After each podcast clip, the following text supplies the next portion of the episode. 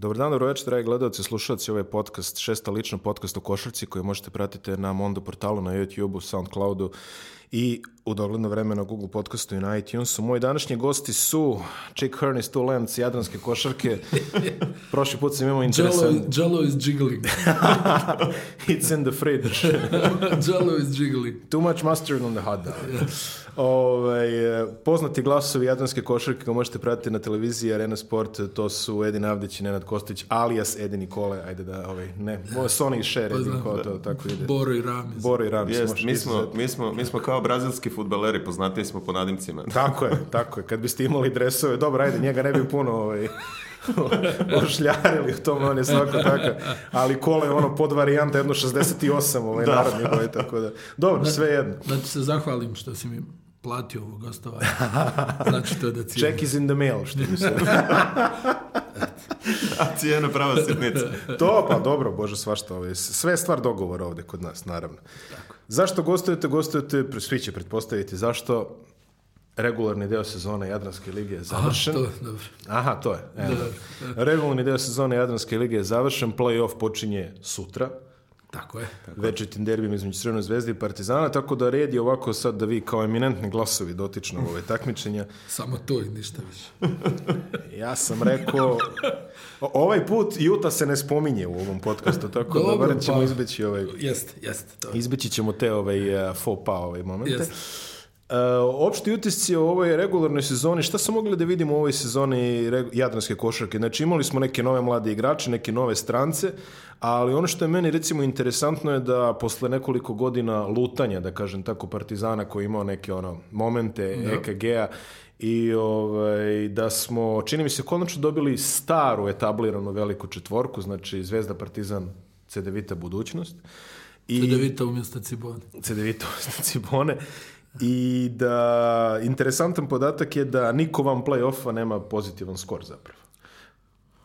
Pa, ovako. Uh stvarno bilo je dobrih e, stranaca ove sezone, to je ono što je meni neki utisak. Sad, možda nije bilo, evo, vidim da ljudi ono komentarišu kako je izabrana najbolja petorka aba lige, pa nema igrača sa ovih prostora, ali mislim da je to jednostavno ono, jel, ciklično. Imali smo ono serije nekih dobrih mladih igrača, pa oni odu u NBA, pa ne može baš to da se nadomješta konstantno iz godine u godinu, mora malo neke pauzice možda E, tu da bude, pa će verovatno onda u narednim godinama opet neki da isplivaju kvalitetni e, mladi igrači. Mm, porast poena po utakmici. To je već neki trend, čini mi se Jeste. malo... U... Zadnjih možda tri godine. Da, tako je. Porast poena po utakmici, e, više šuta za tri poena, bolja realizacija šuta za tri poena, uslovno rečeno, pošto imali smo prethodnih godina ono što, jel, kad pomisliš na ove prostore, uvijek nekako kažeš, dobri šuteri, ali nije ih bilo dugo.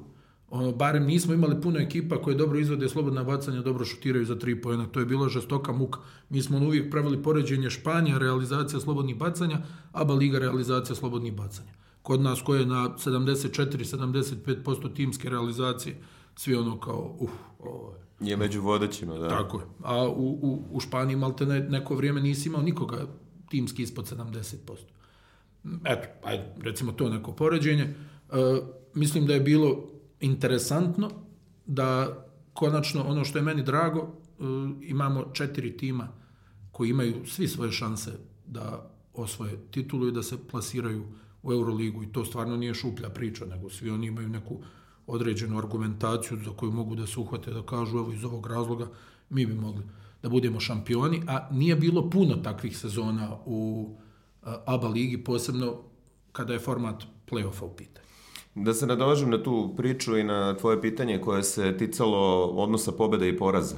E, nije redkost u ABA ligi da prva četiri tima budu na pozitivnom skoru, a da od pete ekipe pa naniže imaju negativni skor ili kao što smo recimo imali prošle sezone gde je Partizan na petom mestu isto imao pozitivan odnos pobeda i poraza, a svi ostali su e, bili negde dole. To je pokazatelj o pre svega izjednačenosti lige. E, mi smo ove godine imali pogotovo od kako je Bitadze iz Mege otišao u budućnost onako poprilično profilisanu situaciju što se top 4 ekipe tiče, ali ako se tu izuzme Crvena zvezda, velika borba se vodila od drugog do četvrtog mesta, a na drugoj strani sa izuzetkom Mege, koja je tu bila u jednom trenutku gravitirala ka play-offu, pa posle ostala bez nekih realnih šansi, svi ostali timovi su u manjoj ili većoj meri bili uključeni u borbu za opstanak. Tako da, iz sezonu u sezonu pričamo to, ali nekako utisak da ove godine stvarno i ta neizvesnost u ABA ligi, ako se izume prvo mesto, gde je Crvena zvezda se onako zakucala otprilike od početka pa do kraja, sve ostalo je bilo jako, jako zanimljivo, od onih ups and downs Cedevite, eh, Partizana, čiji znači početci nisu bili onakvi kakve su priželjkivali, pa onda i sve turbulencije koje imala budućnost, do te onako grčevite borbe za opstanak, gde na kraju krajeva na početku sezone niko objektivno govoreći nije video Olimpiju kao 12. tim na kraju. Re, rekao si ono što američki komesare vole, ono, magično reč, periti. Bukvalno, znači opisao si dobro, znači stremimo svetskim trendovima. Više šuteva za tri, bolja realizacija za tri. Ja se sećam pre ono nekih, ne znam, 6-7 godina imao si onu budućnost koju je vodio Dejan Radonjić koja nije mogla ništa da pogodi otprilike u neko vreme. Pa sad postalo je sve to... Ali su grizli odbranu i... Ne. Da. Jeste, ali eto, vraćamo se na one, što bi se reklo, standardne trademarkove što je bile balkanske košarke.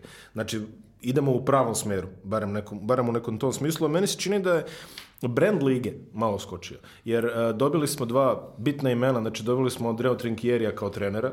Da. Malo je bilo možda i nezamislivo da trener njegovog renomea sad... Ja nisam vjerovao da će da dođe. Kad sam prvi put čuo informaciju, A u, uvek, uvek, znaš kako ono domaće štampu, uvek ti spakuje onako tri imena od čega da, je... Ko je, ko je slobodan, ko, ko da. To je da. bukvalno da. ko multiple choice testovi. Znači, onako, yes. jedan je siguran, jedan je možda, a jedan je ono, niđe veze, jeli? Da, da, ali o, e, o, ovaj, put, ovaj put je taj najmanje vjerovatan zapravo. Završio u Partizanu i u Zvezdi imali smo kao igračko povećanje Stratosa Perperoglu, koji jeste, ajde da kažem, u nekim zrelim igračkim godinama, ali opet ne dođe ti svaki dan čovek ovaj, sa toliko iskustva i toliko ovaj, kilometraže u ozbiljnim europskim klubovima. Ma, ovako, Trinkjeri u, u smislu toga, dosta ljudi gledalo to njegovo predavanje u, u, u Šumicama prije, ne znam sad već nekoliko godina, gdje je da. on objašnjavao pick and roll napad i to, i to je stvarno na mnogi ostavilo jedan onako izuzetno pozitivan utisak, kod nas je ono kritična masa uvijek tu i, i treneri su onako pažljivo jel, posmatraju i onda e, teško je dobiti kompliment. I on je stvarno tu imao to fantastično predavanje i mnogi su tu onako ostali zatečeni, aha, ovaj ipak e, ozbiljan nivo kada su te neke stvari u pitanju. I e, za njega je ovo svakako određeni rizik. Jeli, dolaziš u ekipu, kako to treneri kažu, koju nisi selektirao. I od tebe su očekivanja velika, jer partizan je partizan, nema tu nikakve priče. To nešto, ne, imamo novac, nemamo novac, ekipa je ovakva, onakva kada se podbaci lopta, niko o tome ne razmišlja, treba da se pobjeđuje i tu mislim da nema nikakve dileme. E sad, e, vidjet ćemo kako će sve to izgledati u play-offu, jer Partizan je tu sada među četiri, ali naravno da to nije dovoljno. Ako pitaš 90% simpatizera Partizana, to njima nije dovoljno. Ni, Pa mislim, s izuzetkom CDVite, mislim ove tri ekipe, nikome to nije e, dovoljno samo plasman u, u, u, u play-off. Svi da. žele A, odlučujući korak, žele vid, titul. Vidi, ako pitaš i rukovodstvo C9, ja mislim da i oni A, žele mislim da korak. da ima ono prilike do ovde, ono, je već da... Pa da, ali opet i, o, evo, sad je bilo interesantno, Kops je bio izuzetno ljud zato što nije u startnoj petorci. No, i tako Rekao stvarno. da je to ono sramota i da će on se pobrinuti da ga zapamte u play-off sad na koju će stranu to da ode će da bude 0-15 Ko, koji čiji će ga, da. čije će ga navijači mislim, zapamtiti mada kad pogledaš ima on argumentaciju onako ne znam 13-14 pojena po utakmici mm. četiri asistencije onda preokret koji je e, napravila Cedevita od dolaska Jacoba Pulena, naredali su gomilu pobjeda, u jednom trenutku smo svi mislili da je ovo krah Cedevite, da će da budu negdje sredina tabele, oni su napravili preokret, na kraju završili na drugom mjestu, imaće u krajnjoj liniji prednost domaćeg terena, pa kakav god taj domaći teren bio a, protiv budućnosti. Sada, što se Kopsa tiče, a, on je i prošle sezone u ekipi Lemana u play-offu odigrao izuzetno značajnu ulogu kada je taj tim napravio iznenađenje. Niko ih nije video kao favorita u datom trenutku za osvajanje titule prvaka Francuske. To u Francuskoj do duše. Ovaj. Do duše to ništa ne znači. znači u, ne, u Francuskoj ako ste prvi na kraju ligaškog dela, to sigurno znači da nećete biti prvaci. Znači to je onako praksa koja, koja se pokazala kao pravilo u poslednje vreme. E, sjajni su stranci stvarno došli ove sezone i to je definitivno podiglo imidž ABA lige. Ti si pomenuo neka onako ovaj, najupe najupečljivija imena, ali kada se pogleda koga je sve budućnost angažovala od samog početka sezone, pa preko one rekonstrukcije tima kada je stigao Norris Cole, znači tu ima vrlo, vrlo ozbiljnih NBA imena. E, na drugoj strani i način na koji je Crvena zvezda selektirala ekipu je pokazao da je njihova ambicija ove sezone da se vrate u Euroligu a, i dolazak Casey Riversa je takođe nešto što će u velikoj meri doprineti imidžu lige. Partizan je tokom sezone doveo i Renfrova, pošto je na početku izabrao put sa mlađim strancima, pa toliko mladih igrača na jedno mesto ispostavilo se da neće baš doneti željeni rezultat. I CDVita je krenula ambiciozno po pitanju angažovanja a, e, stranih igrača, pa ok, ali generalno gledano već na samom početku sezone se videlo da će tu biti nekoliko timova koji će vrlo, vrlo ozbiljno da zagrizu za plasman u Euroligu. Jedno je mesto koje vodi u Euroligu, a sa druge strane bilo je dosta zanimljivo i u onom donjem delu, gde, se, gde su takođe rađena prestrojavanja. Mislim da je fantastična stvar za ABA ligu to što su uveli taj bare, što su uveli taj Tačno, play-out, da, to, što je sjajno. toliko podiglo tu neizvesnost, tu takmičarsku tenziju, zato što ako imate neki da. tim koji je dole na 12. mestu, a dešavaće se verovatno da se neko raspadne tokom sezone kao što smo imali primera, opet ćete imati to borbu za poziciju 11, što će podići naravno neizvesnost. Ja sam inače apostrofirao Perperoglo zato što mi je bilo fascinantno za Amerikanca da dolaze, to mi je nekako normalno jeli, to im je u opisu radnog mesta. Ali da. ovako da. da dođe evropski igrač, ovo nekog renomea, pa trostruki evropski šampion. Da. Apsolutno, znači čovjek koji na CV-u ima i, ovaj, i grčke klubove i Barcelona i ne znam ja. Efes. Efes i sve to već. To mi je ovako malo čudnije nego dođe neki is, iskusni američki profesionalac koji svakako, mislim, su profesionalno drugačije kodirani nego evropski A, e, Da, apsolutno. To da. si dobro rekao, ali ima tu neka poveznica sa Milanom Tomićem. Da. Jel, znaju se jako dugo i onda kada vidiš neko poznato lice, kada ti on ispriča određenu priču, kada su i uslovi e, adekvatni, onda vidjeli smo i ono što svi ističu od, oko Stratosa je da je stvarno profesionalac, da je dobra ličnost u slačionici, da odrađuje to što se od njega traži besprijekorno i on je e, odigrao fantastično, manje više, pa dobro, nije sve, ali većinu ovih jakih utakmica je odigrao e, zaista dobro. I ako sad možemo da, da izvučemo mečeve i protiv budućnosti i protiv e, Partizana, ona prva utakmica i protiv Cedevite, sve neki, I neki mečevi... utakmice Evrokupa. Da, je... ajde to, ali da, to fokusiramo te... se na ABA ligu. E, znači, te sve utakmice je odigrao zaista dobro, poentirao kada je to bilo e, potrebno i to je upravo ono neko koga možeš da držiš u frižideru jeli, da kažeš ajde sada ti i da on odmah uđe i spreman je da, da isporuči kvotu poena, a ono, da, da ne moraš baš da tražiš, ne znam, po klupi sad, uh, ko će sad da ubaci. 10 e, poena, ništa nam ne funkcioniše u napad. Pritom je jedan klasičan ono van sistemski igrač, što bi se reklo. Može da, da rodi pa, poene odakle hoćeš. Pa, tom... vidi, suštinski i sistemski i van sistemski kada to situacija jasne, nalaže. Jasne, jer jasne. igra je on u, u, žestokim sistemima i, i Panathinaikos i Olimpijakos.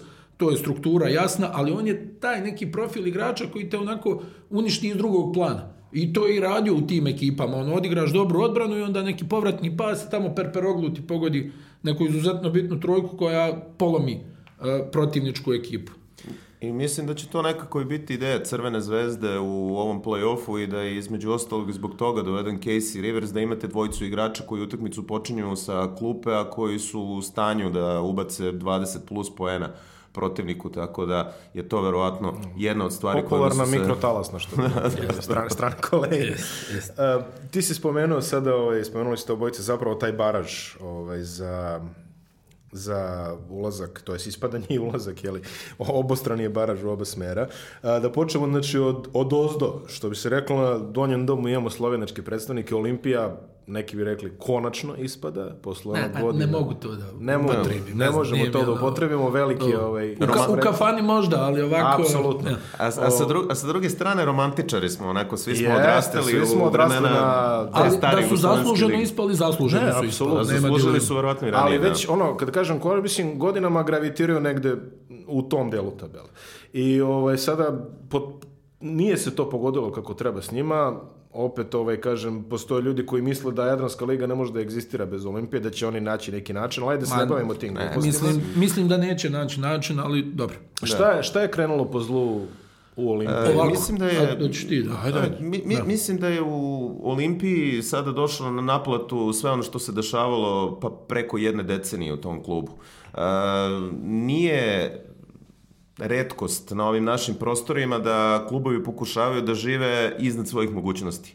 A to je nešto što je Olimpija radila godinama. Znači, dovođeni su igrači, potpisivani su ugovori, a svi su znali da ti ugovori neće biti ispoštovani, pa smo onda imali situaciju da tamo novembar, decembar u suštini bilo je samo pitanje trenutka, da li će to biti pre ili kasnije da krene potpuni raspad u Olimpiji. E, narasli su dugovi, Eh, Slovenija je takav sistem gde jednostavno neće neko doći i reći ok, sada ovoga više nema, ne, vi ste dužni i to su prilično ozbiljne garancije za ta dugovanja. I onda se tu i grad uključivao i gradonačnik Janković je pokušavao da pomogne Promenili su generalnog sponzora, kažu da su konačno na putu da definitivno očiste uh, tu finansijsku situaciju uh, koja e, je godinama opterećivala klub, međutim oni su i ove sezone napravili niz loših procena, ali pre svega ono što je njihov osnovni problem bio da Olimpija ove godine očigledno da nije imala finansijska sredstva da pravi dve ekipe, kao što su to učinili neki klubovi, a opet sa druge strane nisu imali kvalitet da iznesu takmičenje na tri fronta. Znači oni su igrali i ABA ligu i prvenstvo Slovenije i Fibinu ligu šampiona. E, krenule su priče to, pravimo to tim. To je u suštini bio najveći, najveći problem. problem. Krenuli su priče onako ambiciozno, povratak Romana Lisca u upravljačku strukturu kluba, napašćemo Final Four, odnosno plasman u play-off sledeće sezone, dovešćemo poznata imena, pa onda krenulo dovodimo mlade igrače koje ćemo da forsiramo, pa prestrojavanja tokom sezone, znači vi krećete sezonu sa Johnson koji uz dužno poštovanje je jedan igrač prosečne klase, a objektivno neko bolje rešenje u datom trenutku nemate, pa dovodite Scottija Reynoldsa, puno su, puno su zaista lutali, promenili su tri trenera i kada se sve sabere, zasluženo su dole. E, pa to što se tiče kao napadaju play-off, svakome koji ole prati košarku, kada pogledaš tamo Marvin Jones i Jalik Felton, koji je srednjoškolac, kad su dovedeni u klub, jasno ti je da od napada na play-off nema ništa. To sad ko je možda u nekim ludim scenarijima, ali kad vidiš ovako sastav, stranci, Marvin Jones, Jalik Felton, playoff, doviđenja. Sa takvim strancima ne možeš da napadaš playoff u uh, ABA ligi. Oni su do duše poplaćali tu neka obeštećenja za ove mlade igrače, doveli su ih, najveće ime tu svakako Šamanić koji u jednom trenutku i, i proigrao, uh, igrao jedan period ovako zaista dobro, on je vrlo interesantan za, za NBA ligu, dolaze tu stalno neki uh, E, skauti, generalni menadžeri, šta sve ne, u, u Ljubljanu, ali kad zavrtiš u sezoni tri trenera, odmah znaš da su to da. A, problemi. Oni nemaju podršku, ne zato što ljudi u Sloveniji ne vole košarku ili ne prate, prate i tekako. Svi se sjećamo kako je Olimpija imala atmosferu u Tivoliju pod vodstvom Zmage Sagadina kada su igrali Euroligu ili u kasnijim periodima kada se igrala Euroliga, kada su se ostvarivala pobjede, dvorana je bila puna, jednostavno kao i svuda ljudi se vežu uz dobar rezultat, uz e, dobru igru. Kada je loše, ne znam baš puno dvorana u Evropi gdje će da bude puna dvorana. Jel tako? Tako je, tako je. Nema baš, nema baš tu ovaj, neki, kao svi pričamo, podrška kada je najteže, ako koliko ima klubova koji imaju rasprodanu dvoranu, kada, su dole pri, pridnuta vele, pa nema ih puno. Ja. Nema, nema, to, to nema je ih, nekako futbolski fenomen. Nema dole, ih puno, ovaj, pa da. i, da, do duše. A, I samo ovo još za Olimpiju da kažem, a, e, oni su miksali na jedan i po sastav.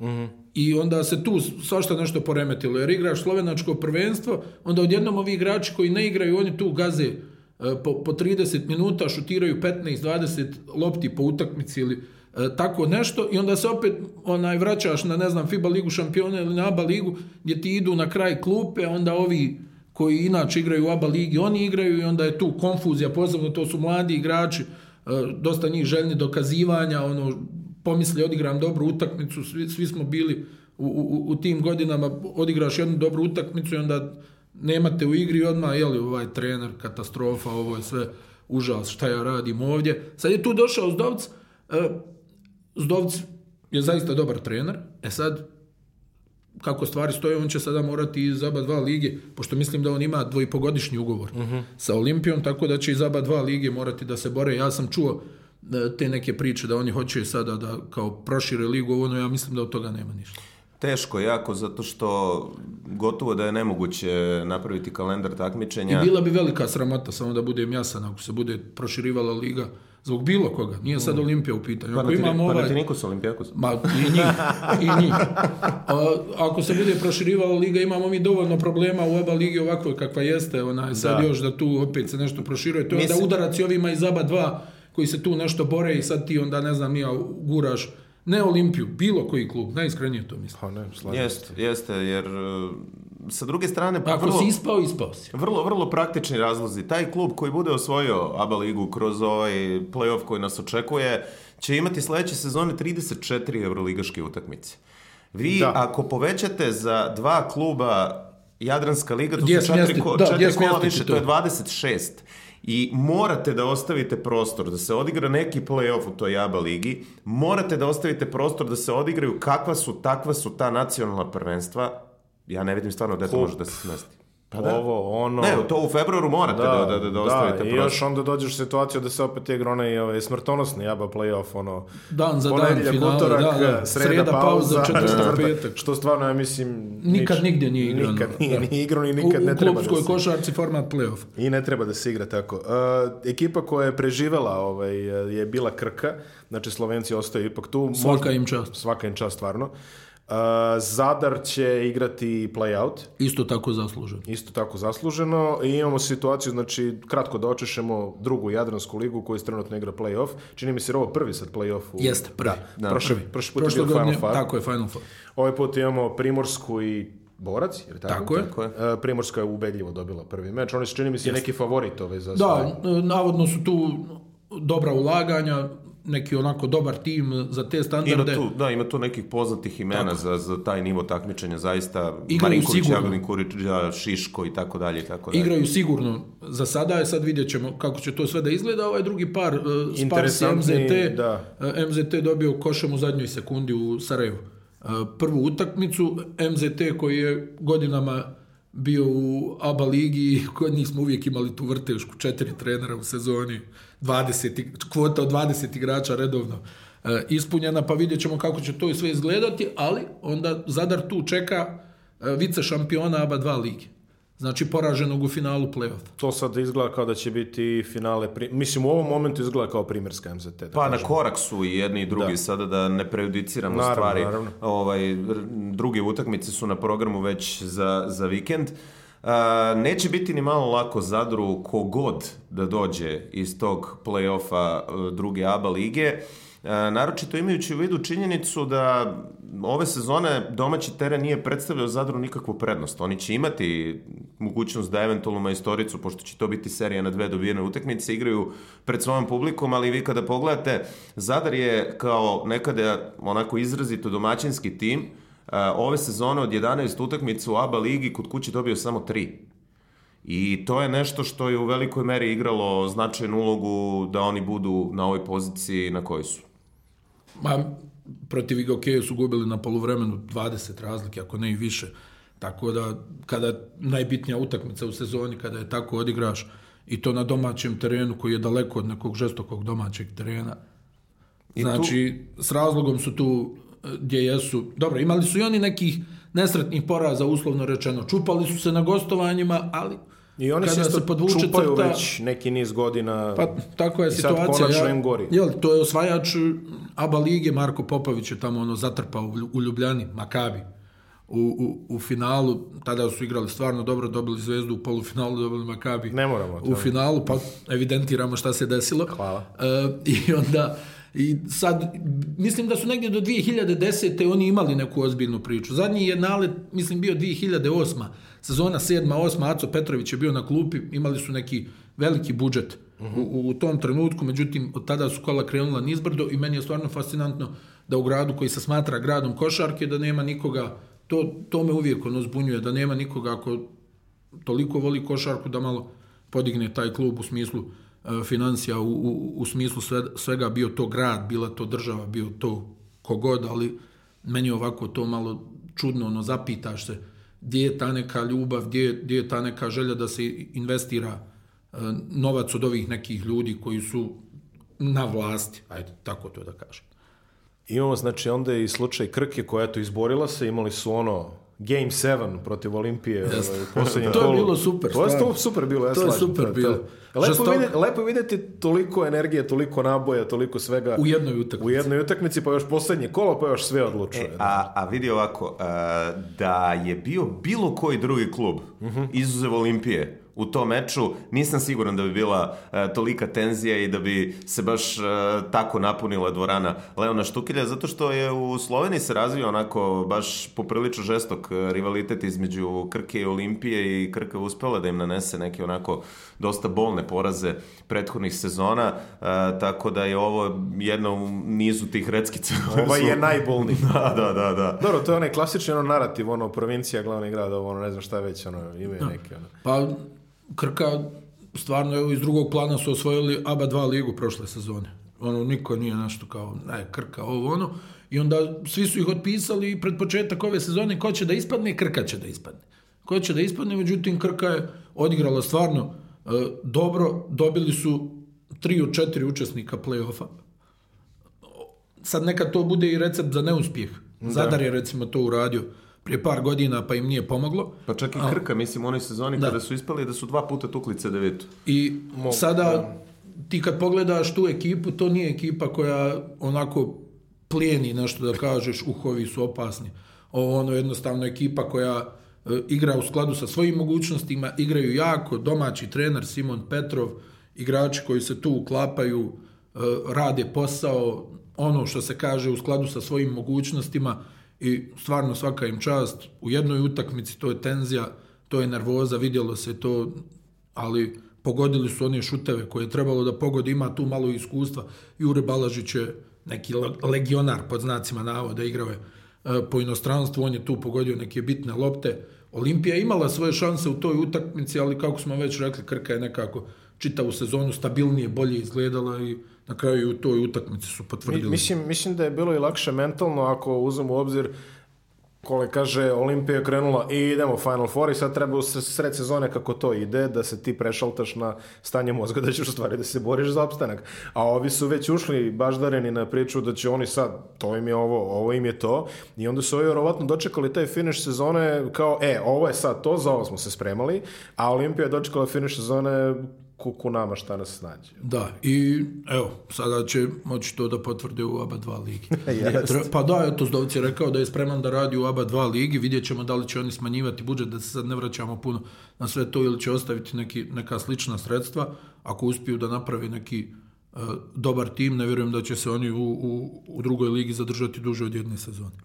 Iznad imamo ovaj, zlatnu sredinu koja se otprilike isto do, do poslednjeg pretposlednjeg kola bila je žestoka tu borba da se, da se zadržite o mestu u donjem i gornjem domu. Imamo Prvo je prvo Mornar, on mi je nekako najzanimljiviji, oni su imali jako dobru sezonu prošle godine, imali su par pogodaka sa strancima, ove sezone je počelo mnogo lošije, pa je bilo prestrojavanja i svega toga. Što samo govori koliko je teško Jasno. iz godine u godinu pronalaziti dobre strance i biti u pravu. Jest, znači, da jest. da ti dovedeš da se ovaj uklopi, kada je došao Bronson Kenning, ja sam rekao, uh, opet su pogodili, strašan šuter, a onda smo dobili informacije da nije baš toliko spreman, pa je tu bilo nekih problema.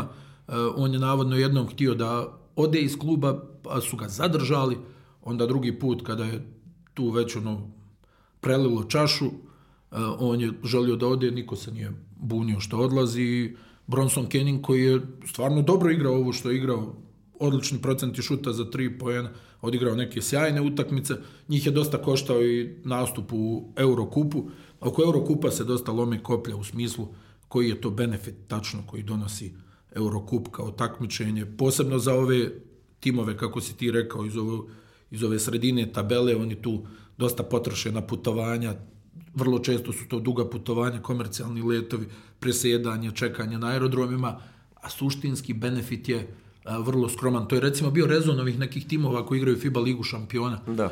Da ne igraju Eurocup, zato što ako ništa u FIBA ligi šampiona imaju plaćena putovanja. Sa druge strane, FIBA Liga šampiona, kao što je rekao, pored toga što plaća putovanja, to je to. A sa druge strane, mnogi klubovi iz zemalja koje nemaju prohodnost ka Euroligi, liga, kao što je recimo Grčka, da. kao što je recimo Italijanska, onda oni dođu i kažu, ok, šta treba, osvojim Eurocup, i onda sledeće sezone igram Euroligu, a znam garantovano da je one tamo neću igrati, zato što ne igram takmičenje kroz koje, ja mogu da, da se da. plasiram. Što je onako jedan paradoks, jedan nonsens u kome se evropska košarka trenutno nalazi.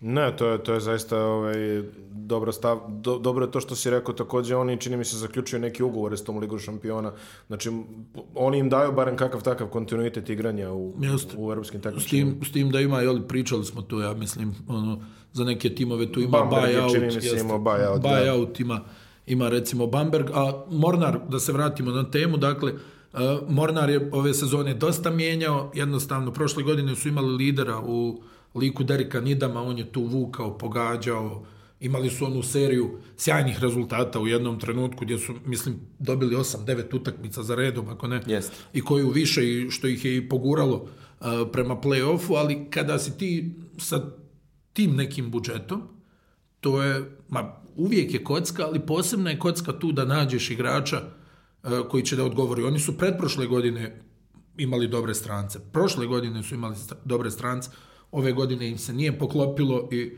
e, jednostavno onda je rezultat bio takav. Dobro, nisu oni previše brinuli e, za opstanak, ali pričalo se kako je Mornar tu ekipa koja će da se bori za playoff, a maltene od početka sezone je bilo evidentno da se oni neće boriti za playoff. Nekako je to bilo jasno i braći Pavićević koja su napravili zaista fantastičan posao u tom klubu, e, već tamo tokom Super Kupa Mm. E, je njima bilo jasno da ti stranci nisu da. nivo koji je neophodan, većina od njih, pa su probali da rade ta prestrojavanja, pa smo imali epizodu sa Bobijem Brownom u ekipi yes. Mornara, onako, koji je umeo da opali po 20 puta i ta neka orijentisanost ka bekovima koji su svi pod 1, 2 i 3 gledali koš je u velikoj meri ugasila Lukovića i njegov doprinos koji on je imao sa druge strane prošle sezone neku fantastičnu saradnju sa Nidamom i Relijem Rosom. E, ove godine se nije tako dobro pronašao sa tom bekovskom linijom Mornara, tako da, e, ali oni su podvukli crtu u jednom pravom trenutku, oni su u jednom momentu rekli, ok, to što smo doveli, doveli smo, uh, nećemo više se baviti eksperimentima, mi smo sad u ugroženoj zoni, nama je cilj jedan jedini do kraja sezone da izborimo opstanak u ABA ligi i otprilike znali su, tempirali su kada će to da urade pred ključne utakmice, njima je bilo bitno da kod kuće dobiju direktne protivnike u borbi za opstanak i to su bile otprilike prve utakmice u drugom delu sezone, oni su te mečeve dobili i kada su dobili te mečeve i sa adekvatnom razlikom otprilike je bilo jasno da oni neće biti suštinski ugroženi u jednom trenutku. To je taj najveći začarani krug evropske košarke. Što se ti boriš e, kroz to neko nacionalno takmičenje ili regionalno takmičenje da valjda bi trebao benefit toga da bude nastup u evropskim takmičenjima. Jasno a to je u evropskoj košarci postala teška muka. Da. Gdje timovi izbore nastup u evropskom takmičenju, pa koje god ono bilo, ako izuzmemo Euroligu i onda se hvataju za glavu kako ćemo ovo da odigramo, nema nikakve ekonomske isplativosti. To je ona najveća tuga evropske košarke u ovom trenutku gdje smo jeli uvijek svi smo mi naštimani tako da razmišljamo ok ekipa koju simpatišem igrači koju simpatišem volio bi da odigraju dobro i da se taj tim plasira negdje Eurokup FIBA Liga šampiona, nazovi kako hoćeš. I onda dođeš do toga, boriš se kroz ligu, kroz play-off, za neko mjesto pod suncem i onda kada treba da se pokažeš u nekom evropskom takmičenju, tvoj rezon, uh, samo da što prije ispadnemo, da više nema ove muke oko da. putovanja, oko svega. To je stvarno, mislim, najveća tuga evropske košarke u, u ovom trenutku. Jel, mi godinama unazad slušamo priču kako uh, e, europska košarka nije ekonomski isplativa. Pa daj da vidimo zbog čega je to tako, da vidimo šta tu može e, da se promijeni, ima li neka formula, ima li nešto da se učini makar da to bude pozitivna nula. A ne da, da stalno slušamo priče kako putovanja iziskuju ogromne troškove, kako je to napor, kako ovo, kako ono. I na kraju tamo kada vidiš, evo, hajde, futbal, kao, jeli, da. taj neki vrh sportske zarade, onda pogledaš tamo NBA, kako oni funkcionišu, pa kako mi ne možemo neki model da napravimo u Evropi sve ove godine da, da se tu pojavi neka ekonomska isplativost i da se ljudi bore da, da bi igrali u Evropi i da onda u toj Evropi probaš da napraviš najviše što možeš, a ne da žrtvuješ utakmice da bi onda mogao da se prestrojiš u hodu i, i da se spašavaš ovamo u, u svom prvenstvu. A to se prvenstvu. dešava u kontinuitetu manje više svim klubovima koje nisu Zvezda Aha. i Partizan. Sa, sa, sa druge strane, generalno gledano u evropskoj košarci je postalo devalvirano e, taj, taj pojam igram evropsko takmičenje postao užasno devalvirano. Da, nije to ono Jer vi, 80-ih. Pa, e, danas evropska takmičenja u Evropi ne igra samo onaj ko neće. Da. Prisiljavaju. Bu, bukvalno je tako. Tu, tuku ko neće. Za, zato što vi imate, vi imate sada, evo, možemo da izračunamo. Imamo Euroligu koja će od sledeće sezone brojati 18 klubova. Imamo Evrokup koji ima 24 kluba. Imamo Fibinu ligu šampiona. Sa 78 klubova. Koji krenu tu od nekih kvalifikacija za neke klubove, bukvalno da niste ni čuli. FIBA Euro Challenge I sa onda, 280 klubova. Izvini, molim te, Evro, Evropa Kup. Evropa, Evropa Kup se zove, čini mi se, da, nije FIBA, više Euro Challenge. FIBA Evropa Kup. Tako da vi bukvalno imate situaciju da samo onaj ko smogne snage da odbije da nešto igra, ne igra Evropu. Svi ostali su pozvani i svima ostalima su širom otvorena vrata i onda tu imate tu varijantu uh, da veliki broj klubova prihvati da igra neko takmičenje, govorim pre svega o ovim fibnim takmičenjima, da bi mogli da kažu sponzorima, eto mi imamo dve utakmice nedeljno, da bi mogli da kažu gledalcima, eto mi igramo u Evropu, a onda jedva čekaju da ispadnu iz tog takmičenja evropskog i imaju tu varijantu, čak smo imali onako dosta paradoksalnu situaciju u Fibinoj ligi šampiona, gde Mornar ne zasluži da ide dalje u FIBA Evropa kup A oni ga tjeraju da igra. A oni ga tjeraju da igra zašto? Da. Zato što ovi da, pod znacima navoda ozbiljni... Estudiantes ima ugovor da i, ako ispadne da, odnosno, ne znam već kako je išlo, uglavnom Estudiantes ima ugovor da ne mora da nastavlja u ovim I, i nižim ne, takmičenjima ako ispadne u FIBA ligi šampiona. I, I, ne samo Estudiantes, sličan da. ugovor ima Jajek koji je jedva prošao da. prošle godine u uh, doigravanje pa su na kraju osvojili to ali generalno onako... A, ali paradoksno što pričaš ono pre 20 godina ti si se klao da uđeš u Europu da, da, da. da, bi dobio ekstra prihode. Sad se kolješ da ne uđeš u Evropu da ne bi dobio da. ekstra rashode. Tako je. Nakon ove tužne priče predlažem da okreneš da neki vedrim temama. Ako ima nešto, da. Ako ima nešto. Ako ima nešto. Ja, smo ga sad stvarno. ali, ali, ne, ne, to je realnost. Mislim, to, to je ono što kažeš, Saša Đorđević je kad je pričao sa mnom je rekao mi imamo neki plan da mi napravimo sad neko telo, znači da dođemo ja, Sabonis, ne znam. Čim, čim se formira komisija, komisija da da znaš da, je, se formira i sada komisija, da, da komisija dođe nadležne mi kaže ljudi vidite mi smo bivši jasovi ovog sporta, mi bismo to ovako do toga još nije došlo, ali ajde neka bolje vremena neka ta ideja sačeka. Imamo i Gokeju kao sledeću, eto ne znam, ovaj, ti si tražio vedrije tema, ali ajde šalim se, šalim se apsolutno ne. I Gokeja koja super egzistira ovaj, u, u ovom takmičenju. Pa da, imaju, ali, imaju dobar recept. Čemu. Oni su ove sezone isto imali gomilu problema, puno promijenili igrača, bilo je tu nekih igrača na otvorenom ugovoru, Amerikanci su dolazili, odlazili, e, promijenili su puno trenera i od priče i oni i njih možemo da svrstamo tamo što se tiče Olimpije, neke najave onako e, Opet sa strane. da kao borit će se za playoff, borit će se za vrh tabele, da bi opet onda to bila E, borba za opstanak sa ekipom koja onako na papiru djelovala mnogo ozbiljnije nego što je u suštini proizvodila e, na terenu i njima je visilo do zadnje kola. Mislim da je njih spasila ona pobjeda u novom mestu protiv da. E, Krke, to, to da, nije toga, da nije toga bilo.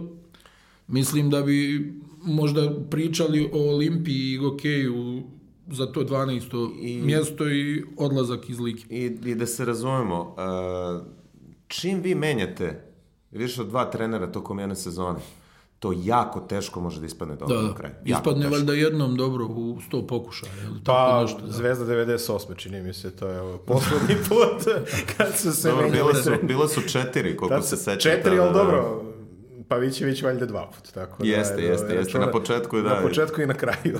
tako da, ovaj, to je poslednji put ovaj, da beležimo tu šok terapiju da je dao neki rezultat. Imamo Cibonu, koja ajde da kažeš, ove godine odigrala stabilno.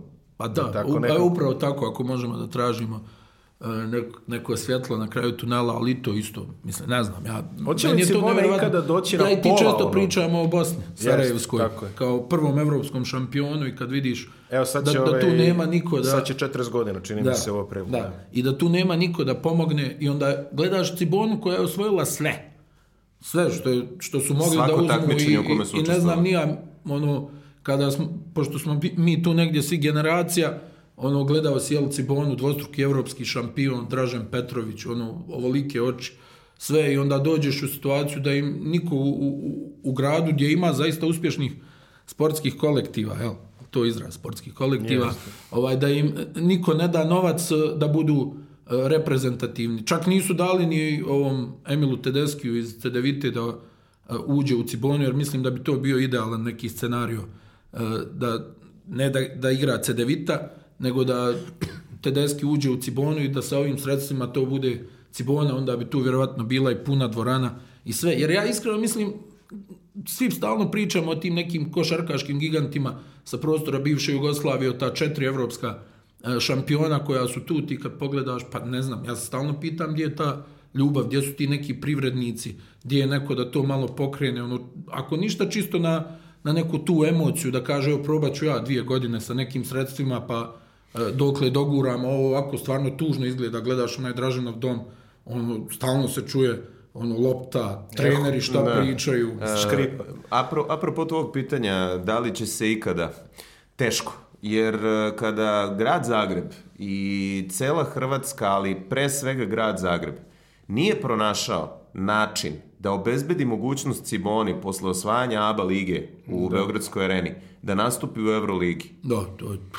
Ja ne vidim, ne vidim šta to sada treba da se desi, pa da neko podigne Cibonu malo više. Mislim, desit će se verovatno u jednom momentu, ali ne vidim da će se to desiti u neko dogledno vreme. Šta je njima bila ključna stvar?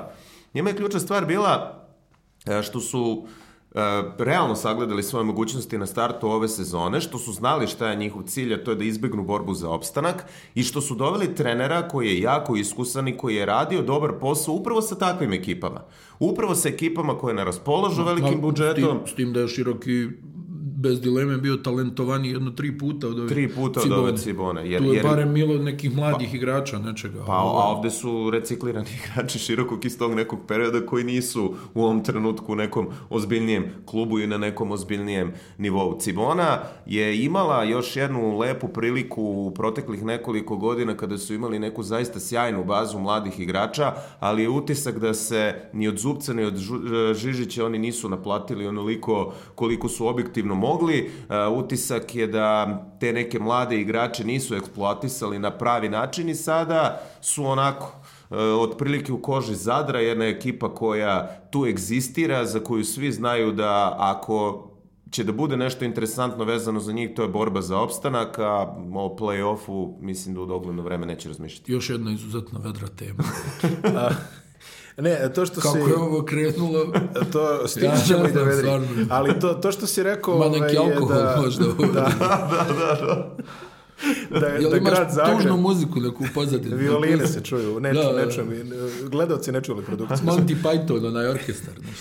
to što si rekao za, za taj Final Four, interesantno je što postoji informacija da su oni došli na taj Final Four sa već jasnom idejom da čak i ako osvoji to i ako osvoji NBA ligu u naredne tri e, mjeseca da neće ja, moći da ja igre. moram, ja moram da ispričam anegdotu. Samo naprijed. E, edino i meni su se uh, u Zagrebu smejali Eh, kada smo došli ispred dvorane u kojoj je Cibona trenirala, mi smo došli kao, a gde, a kog ste vi došli snimati? Pa kao Cibonu, haha, kao vidi ovu dvojicu, pa kao koga to više zanima. Znači, mi smo došli u datom trenutku se ne trenira. Zato što Cibona ima 10 igrača i eh, Blessing mu je pukla patika, i čeka se da čovek koji u datom trenutku bio skoro sve od PR-a, ekonoma, sekretara kluba, svega ostalog, da on ode i da donese Blessingem u patiku. Za to vreme e, Šarić je da, nogom... Da, šu, šutiraju, šutiraju na rukometni go slobodne udarce. Da, da, da, da i gađaju prečku. Pa mislim, Rimac i, Rimac i Galemac, da, da. E, trener i pomoćni trener, to je to što se tiče stručnog, stručnog štaba. štaba da. I ljudi onda dođu i osvoje oba Dobio prvu zvezdu i dobio C9 u finalu. I uzeo. I džab. Dobro, ovaj, Imamo neku vedriju temu, čekaj da pogledam. Dobro, imamo pa imaš tu neku svesku se. Imamo pa- FMP Mega ovako FNP kao uvodu. Mega, da. eto, to je, to je uvod u vedrije. Dobro, Mega stvarno definitivno vedra priča, jer oni imaju jasan cilj, imaju jasan koncept i svake godine uprkos e, ovaj, e, što bi se reklo, oni razmene ono, hokejaške razmene celo petorku. Znači sve njima to Međutim, svake godine nađu nešto novo, nađu nešto interesantno i povrh toga što afirmišu mlade igrači, ono ostanu kompetitivni. Znači, imaju, da. neke, imaju neke dobre recepte. Eto, sve si ispričao. Da. ja, možemo to da sublimiramo. Su, suštinski, u njihov, njihova fantastična stvar je bila ove utakmice sa koleđ ekipama koje su mm -hmm. odigrali u predsezoni. Oni su krenuli ubedljivo najranije sa pripremama i ubedljivo najspremniji su dočekali početak sezone svi su ih onako videli kao tim koji će se boriti za opstanak, e, međutim onako jedna jako, jako dobro uigrana ekipa, Dejan Milović je jako dobro skenirao koje su sve prednosti i mane tog tima uz nešto što je poslovično već prepoznatljiv znak Mege, a to je ta izuzetno brza tranziciona igra, taj pritisak defanzivni koji uh, oni uh, rade svih ovih godina, tako da da je ostao Bitazi, ko zna, možda bismo ih po drugi put u istoriji gledali u play-off. Pa, skok, agresivna odbrana, Jest. prave puno ličnih grešaka, sad stalno se muče kada je šut u pitanju. To su uvijek onako kada pogledaš procenti šuta, uh, skromni za dva i za tri poena, ali iz te penali. neke energije uh, to, ono, pritišću čitavu utakmicu i onda jednostavno u jednom trenutku ako nisi psihički jaka ekipa krene tu nervoza E, da radi svoje, oni su stalno na skoku.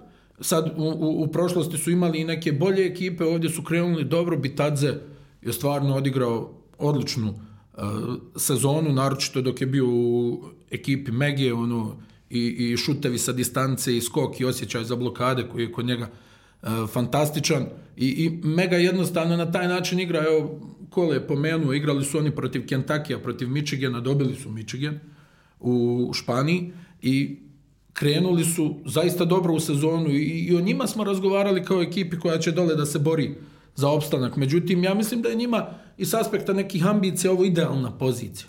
Prvi, drugi ispod crte ovih timova koji se bore uh, za play-off, oni su igrali FIBA ligu šampiona uh, u, u, u jednoj sezoni tu su doživjeli potpuni krah jer slomila su, slomila su ih putovanja E, mlada ekipa, ono što treneri vole da kažu, mlada ekipa treba puno da trenira i to je njima nedostajalo ove godine, odnosno vratili su se na taj oprobani koncept, igramo jedno takmičenje, odnosno ABA ligu i imamo vremena da se pripremimo, da treniramo, da rastemo kako sezona odmiče, da igrači napreduju, da se prodaju, da odu na NBA draft, što jeste na kraju ključna stvar kada je taj klub u pitanju. Biznis koncept koji apsolutno, radi, koji pa da, apsolutno da, radi da, bez maske da. i bez, stvarno ono, svaka im čast za sve to. Eto. Ja, ja to hoću da kažem, volim da kažem, zato što imaju jasan cilj, jasnu viziju.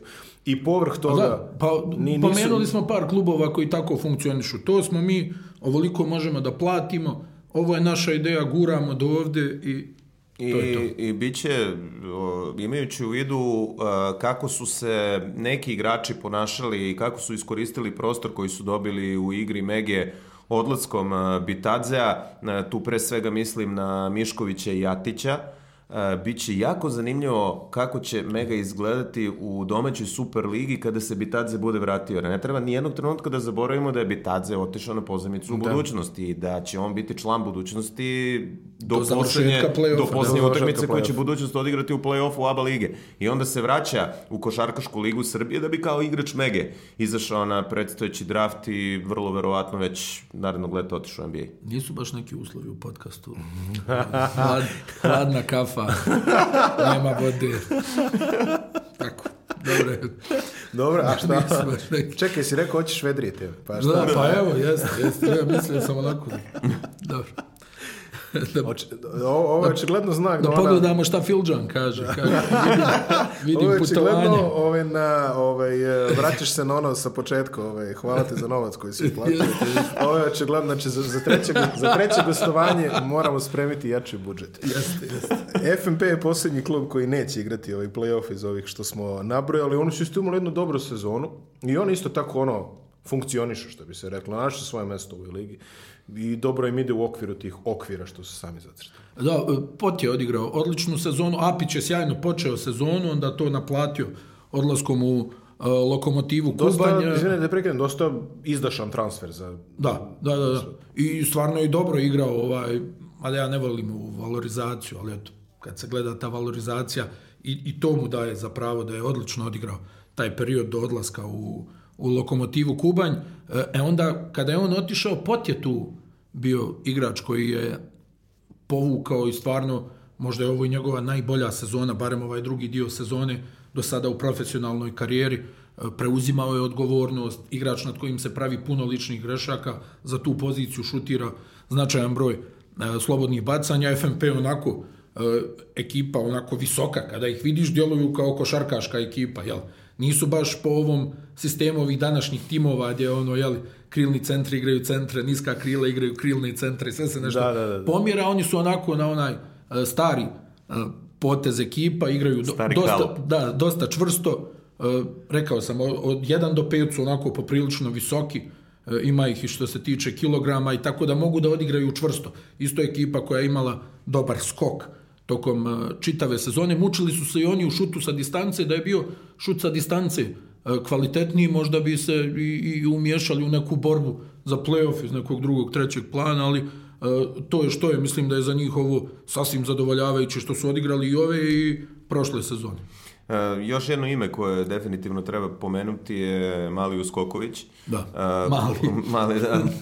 E, dobro, dobro, iz vizura nas veterano. Ovaj. Jeste, jeste, jeste, jeste. Pa dobro, skoro smo 20 godina stariji od njega. Da. Ovaj, tako da, ali Uskoković je odigrao jako dobro štete što je imao tih problema sa povredom još od play-offa prošle sezone, pa se to prenalo i na početak ove e, takmičarske godine, ali ovo kako i on odigrao u drugom delu pokazuje da zaista tu ima jako, jako puno materijala i da, da bi on u perspektivi mogao da bude jako zanimljiv igrač. E, Vlada Jovanović je stvarno uradio dobar posao i ove godine. E, FNP je bio tim koji uopšte nije razmišljao što se tiče te borbe za opstanak i odigrali su dobre utakmice čak i u momentu kada ih je prvo napustio Apić, pa su se svi pitali kako će to da izgleda, pa su na kraju ostali i bez Rebeca, Duduša Rebec je otišao kada je sve već bilo završeno. Jedina razlika u odnosu na neke prethodne sezone gde je FMP suštinski bio poligon za razigravanje mladih igrača, gde su dovođeni igrači da bi se postigao određeni željeni e, rezultat, e, da su provukli značajno veći broj stranaca e, ove godine. Da, verovatno... Da, oni za Vrita nisu imali neku ulogu. Tako je, tako je. Očigledno poučeni nekim iskustvima koji su imali prethodnih sezona sa Johnom Boldenom, pa ne znam, Michaelom Odžom koji ove godine igra sasvim solidno u Crvenoj zvezdi, da su pokušali da pronađu još nekog tako jeftinog e, Amerikanca ili stranog igrača e, koga će e, kasnije unovčiti u daleko većoj meri nego što, što su ga platili.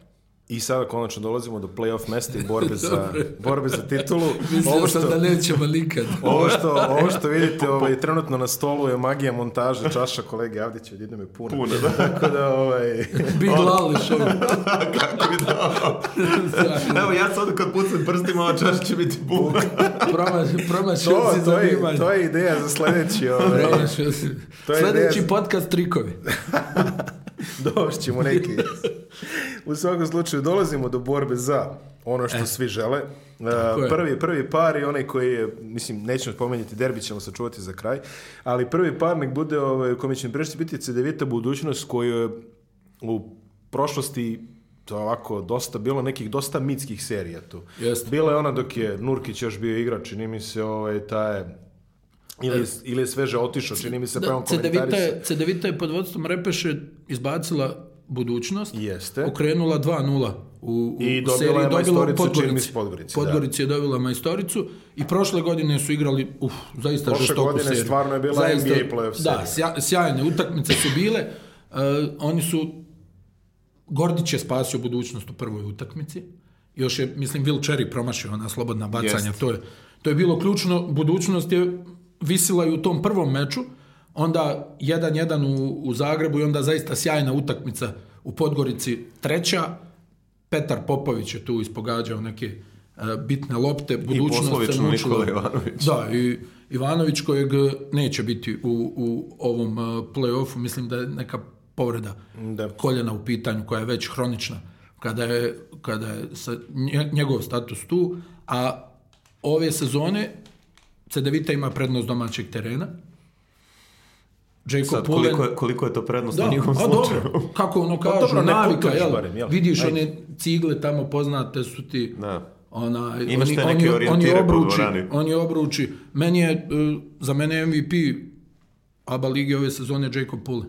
Da, tako smo on je, glasali na nekim on je, izborima. On je, on je došao u, u Cedevitu na probu i onda krenuo stvarno da, da prži od početka. Izgubili su onaj meč e, Crvene zvezde, tu je on debitovao ponovo u dresu CDVite, nakon toga su napravili jednu zaista veliku seriju pobjeda, gdje je on, mislim, na nekih sada 18 pojena po utakmici, ja mislim da je 50, 40, 90, ili možda ima, znači 50% za 2, 40% trojke. Mislim da je popustio malo slobodna bacanja, da su tipa oko 88% realizacije, oni kob su vukli, problem za njih je e, rotacija na centarskim pozicijama. Možda da imaju još jednog centra, to bi bila izuzetno ozbiljna priča. Budućnost na drugoj strani, e, najjača ekipa po imenima, Definitivno. bez ikakve dileme.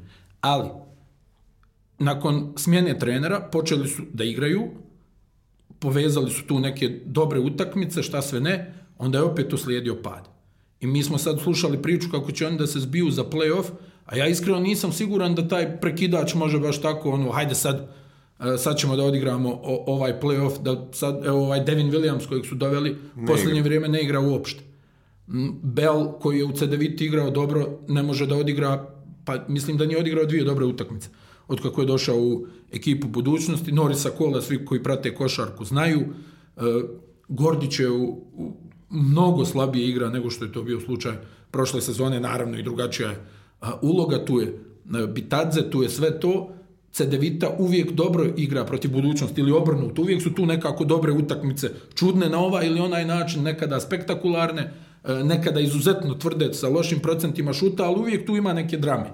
Tako da mislim, vidjet ćemo kako će izgledati ta prva utakmica, u Cedeviti su silno motivisani, e sad mene samo zanima kako će budućnost da reaguje. Ako budućnost bude odigrala svoje, ja mislim da oni prolaze u, u finale. Ako budu na tom defanzivnom nivou, a iskreno ove zadnje utakmice budućnosti što sam gledao, bilo je sve osim nekog e, defanzivnog nivoa. Jedino ako se izuzme ova evroligaška utakmica sa Fenerbahčem, gde su jako dugo bili u tom nekom rezultatskom priključku, ali opet e, i znamo i da Fenerbahče malo u ovom odnosno ne Fenerbahče, nego Željko Obradović. Da. da. Uvijek u ovo vreme malo onako obara formu i sve ostalo. Uh, odigrali su dobru utakmicu sa CSKA, ali ajde da se ne bavimo time, to je onako sveži utisci od, od, od, od da, sinoć. Da, da, da, da. Uh, e, CDVita budućnost, uh, dve jako dobre utakmice i ove godine i sada postavlja se tu jedno pitanje. koliko CDVita ovako igrački koncipirana odgovara budućnosti, jer budućnost je ispustila nekih 16 razlike na startu ili 14 razlike na startu četvrte četvrtine u toj prvoj utakmici gde CDVita najblaže rečeno nije bilo u dobrom momentu pa je nekako uspela da dobije taj meč, a onda u drugoj utakmici koja je odigrana u Morači, Cedevita bila bolja. Cedevita je bila bolji tim i budućnost je bukvalno na mišiće u samoj završnici nekako uspela da iščupa tu pobedu. Uh, Biće jako zanimljiva serija, lep je onako ovaj, e, rivalitet i eto, ako bismo sada googlali uh, e, navijači Cedevite, da Pa jedino je tu protiv budućnosti onako bilo određenog nekog peckanja i prošle sezone, ovaj, čak i kada su dolazili i Zvezda i ne znam Partizan i taj gradski rivalitet sa Cibonom, pa nije toga bilo, ali eto tu se imajući u vidu sve te jako neizvesne utakmice koje su odigrali prethodnih sezona, Uh, razvio se određeni rivalitet između tih timova i može da bude jako zanimljivo u toj seriji. Nema nekih tajni kada igraca da vidite u pitanju. Sad vidjet ćemo budućnost, tu ima nekoliko igrača da izrotira, da baci na, na Pulena i Kopsa, da proba da uspori njih dvojicu. Ako uspore njih dvojicu, yes. to je 70% posla urađeno. E sad, da li će oni biti u stanju da uspore Pulena i Kopsa? Pulen definitivno, ofanzivno možda je najkapacitetniji igrač u ligi. Pa verovatno najbolji strelac. Bez dileme. Najbolji koš igrač u Bez Šteta za njega možda par centimetara više ili neki ozbiljniji pristup kada je trening u pitanju on bi igrao NBA. Bio je blizu ono, kroz Philadelphia 76ers, ali on je nekako ono čudljiv, e, čudljiv tip. Ne znam, ne znam kako da to drugačije upakujem. U Barceloni ne, ne znam sam, možda sam ti pričao, to, to je jedini stranac što sam ja čuo u Blaugrani u ovo novije vrijeme da mu navijači skandiraju ime. Kada je srušio rekord Oskara Šmita, pogodio ni 12 trojki, naredni meč protiv Olimpijakosa i sad kreće u ono Čavi Paskval ga naravno drži na klupi kreće dvorana da skandira pulen, pulen, i ono, jel, Paskval neće odmah sad da ga uvede, sačeka malo, pa ga je onda onaj poslao u igru, ali ni tu se nije zadržao, realno on je back shooter, od njega su, kada je postao profesionalni košarkaš i on je to pokušavao da postane uh, playmaker, on nije playmaker, on je strijelac prvenstveno, meni stvarno žao, jer mislim da je NBA potencijal kada je uh, napad u pitanju, da bi tamo imao svoje mjesto posebno na način na koji se danas igra u NBA ligi, to je jedna strašna ruka. Dobro, ako je Malcolm Delaney, ovaj, e, ako, ako je Delaney stigo do, do NBA, mislim... Možda... Za mene je Pulen bolji igrač od Delaney. Pa ja mislim ne. da bi možda Pulen da je više zapao u tom pravcu, možda bi i on bio... Ali kažem, čudljiv, čudljiv na jako, taj neki način. Jako i on je, e, nije pomogao baš sebi, čak ni ako evropsku karijeru gledamo, zato što e, veliki procenat evropskih trenera kada pomenete Jacoba Pulena promenit će izraz lica i uglavnom ne na bolje.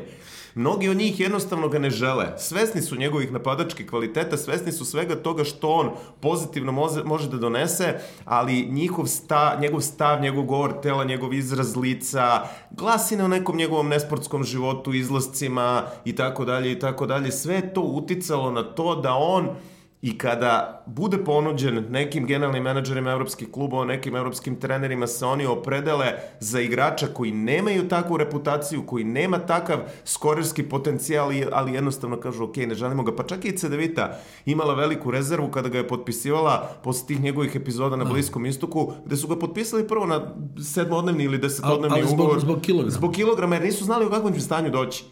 Tako da, definitivno nije neko ko će ono, između dve sezone da vodi računa o tome šta jede, šta pije, koliko spava i tako dalje. Ovi kada krenu pripreme, on će doći tu i odradit će svoje, ali eto, to je, to je nešto što je definitivno uticalo na njegovu karijeru. Ono što treba dodatno da kažemo o CDViti, znači ako bi ova sezona bila film, CDVita bi ovaj, na kraju bila prvak.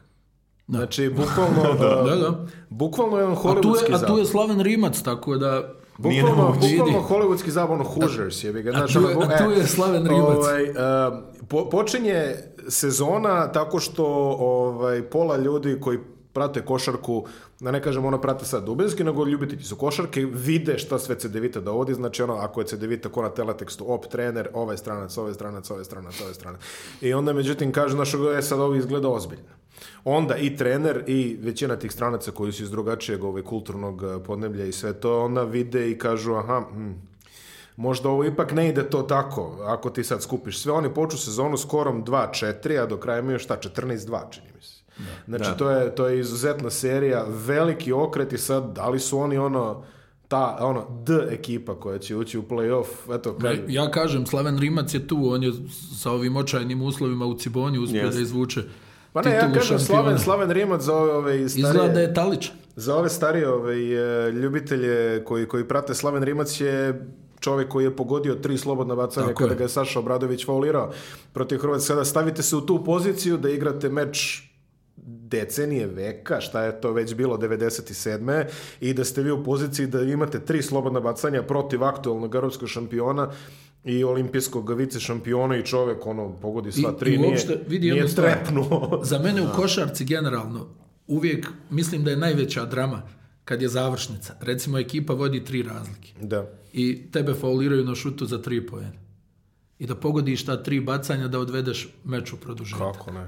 To je ja mislim Kako nema ne? puno igrača koji su u stanju da stanu na penal kada gube tri razlike pogode tri bacanja. Znaš ono kao sekund do kraja. Jasno. Faul evo, na, pazi, mislim, na šutu za tri pa pojena, stani pogodi pa, tri pa, bacanja. Pa, evo, Sam pričamo, protiv sebe. Pričamo, Jeste, slažem se. Na, jedan od svežijih primera, Finale Kupa Kralja i Facundo Campacu. Da. Nije uspeo da pogodi sva tri. Iako je neko ko Dobar sjajno realizuje slobodno bacanje, iako je neko za koga kažu da ćete ga jako teško izbaciti vi njega iz utakmice. On je taj koji će vas da isprovocira. Međutim, znate, Kako, ne, ne, da, ne to... pričali su neki igrači kako se skuplja taj obračun. To, to, što, to što da kaže Eden, ovaj, potrebno je dosta fokusa da pogodiš tri bacanja za da, redom da, da. u bilo kom trenutku utakmice.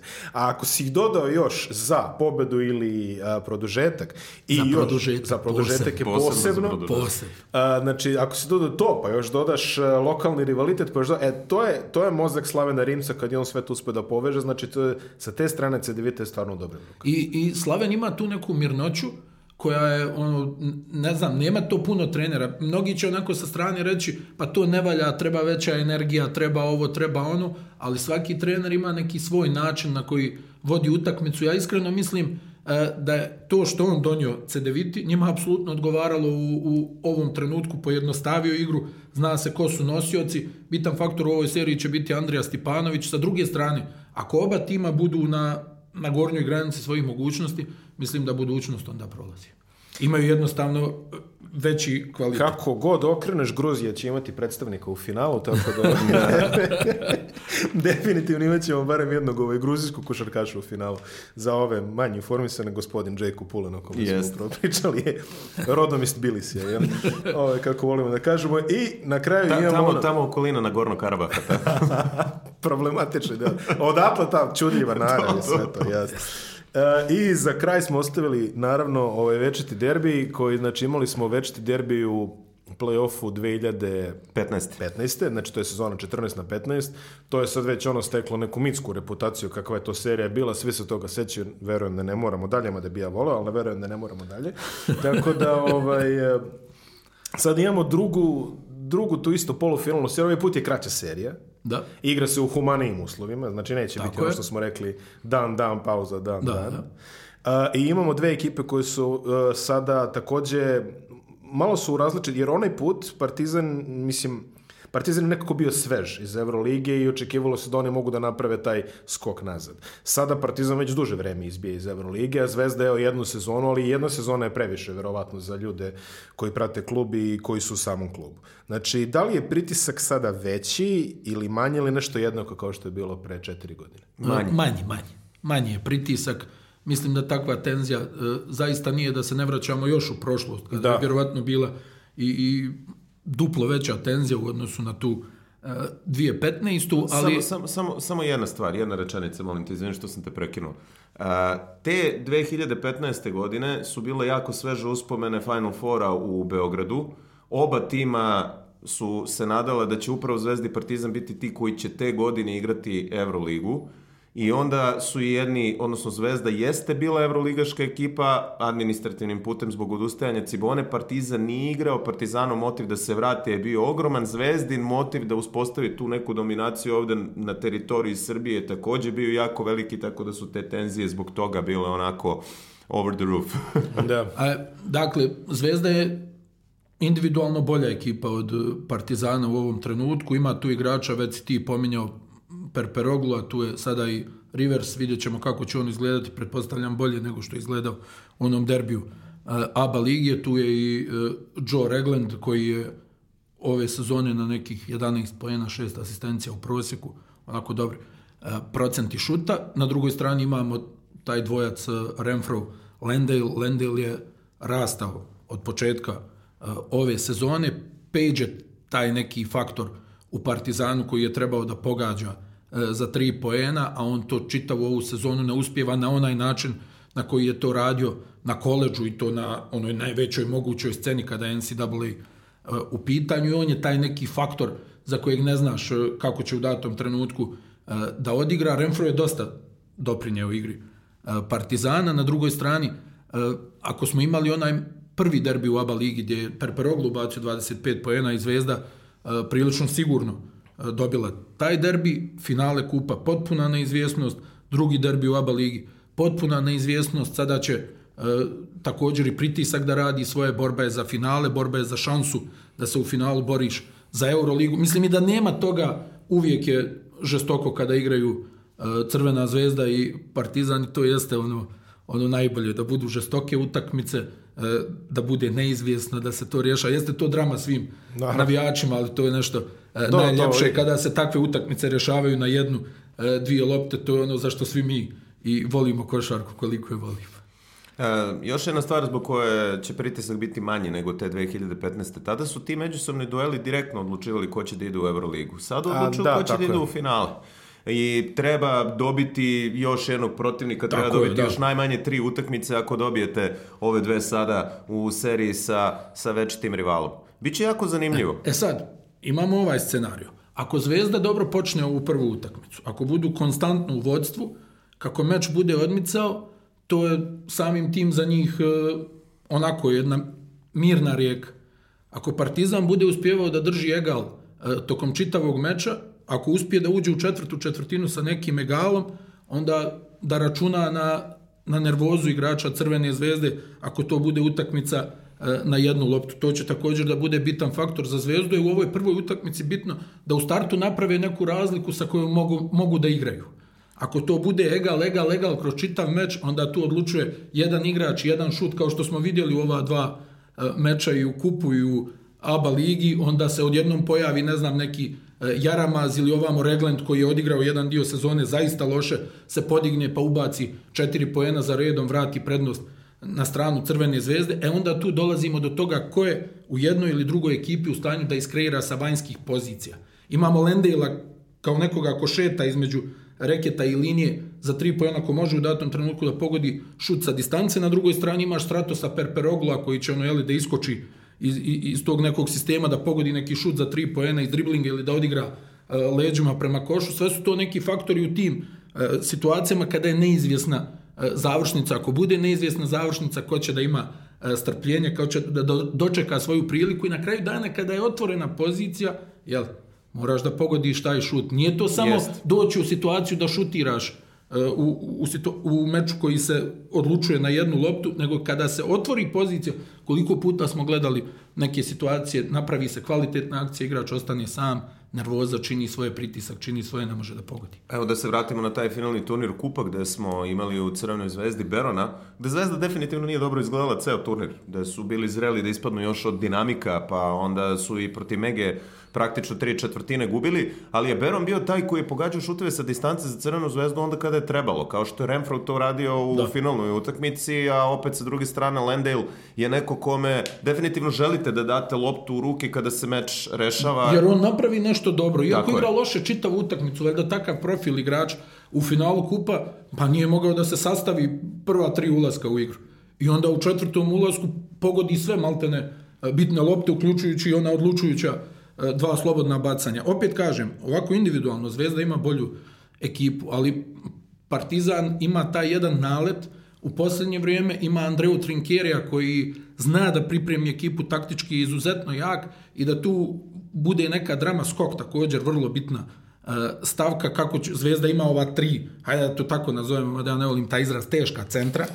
Ođo je recimo odigrao vrlo dobro u, u ovom derbiju u okviru ABA lige gdje su mu konstantno spuštali loptu, on je uspjevao tu da iznudi neke lične greške, da pohvata neke ofanzivne skokove, da napravi ona svoja dva, tri zakucavanja, što malte ne ima na, na svakoj utakmici kako će Partizan da reaguje e, na Ođa u toj situaciji, da li će previše da se nervoze, da možda bace previše dole u reket, da zatvaraju njega, da ostave gore e, liniju za tri poena ili će da ga puste jedan na jedan pa da vidi dokle da li on stignemo. može da dokle stignemo Verovatno, Biće vrlo interesantno, da. barem se ja nadam. Verovatno će zavisiti od zvezdinih procenata šuta za 3 poena, ovako kada gledate timove kako su koncipirani, ko sve tu igra, naročito dolaskom Casey Riversa, utisak je da je Crvena zvezda potentni tim kada se radi o šutu van linije 6.75, e, e, imajući u vidu da ti igrači koji su dovedeni u Partizan da pogađaju, pre svega mislim na Peđa, nemaju konstantnost u šutu sa, I, sa, sa distanci Marinkovića. I, i rade, to isto i rade Zagorac čeka. također bitan tako faktor je, u svemu ovome. Je.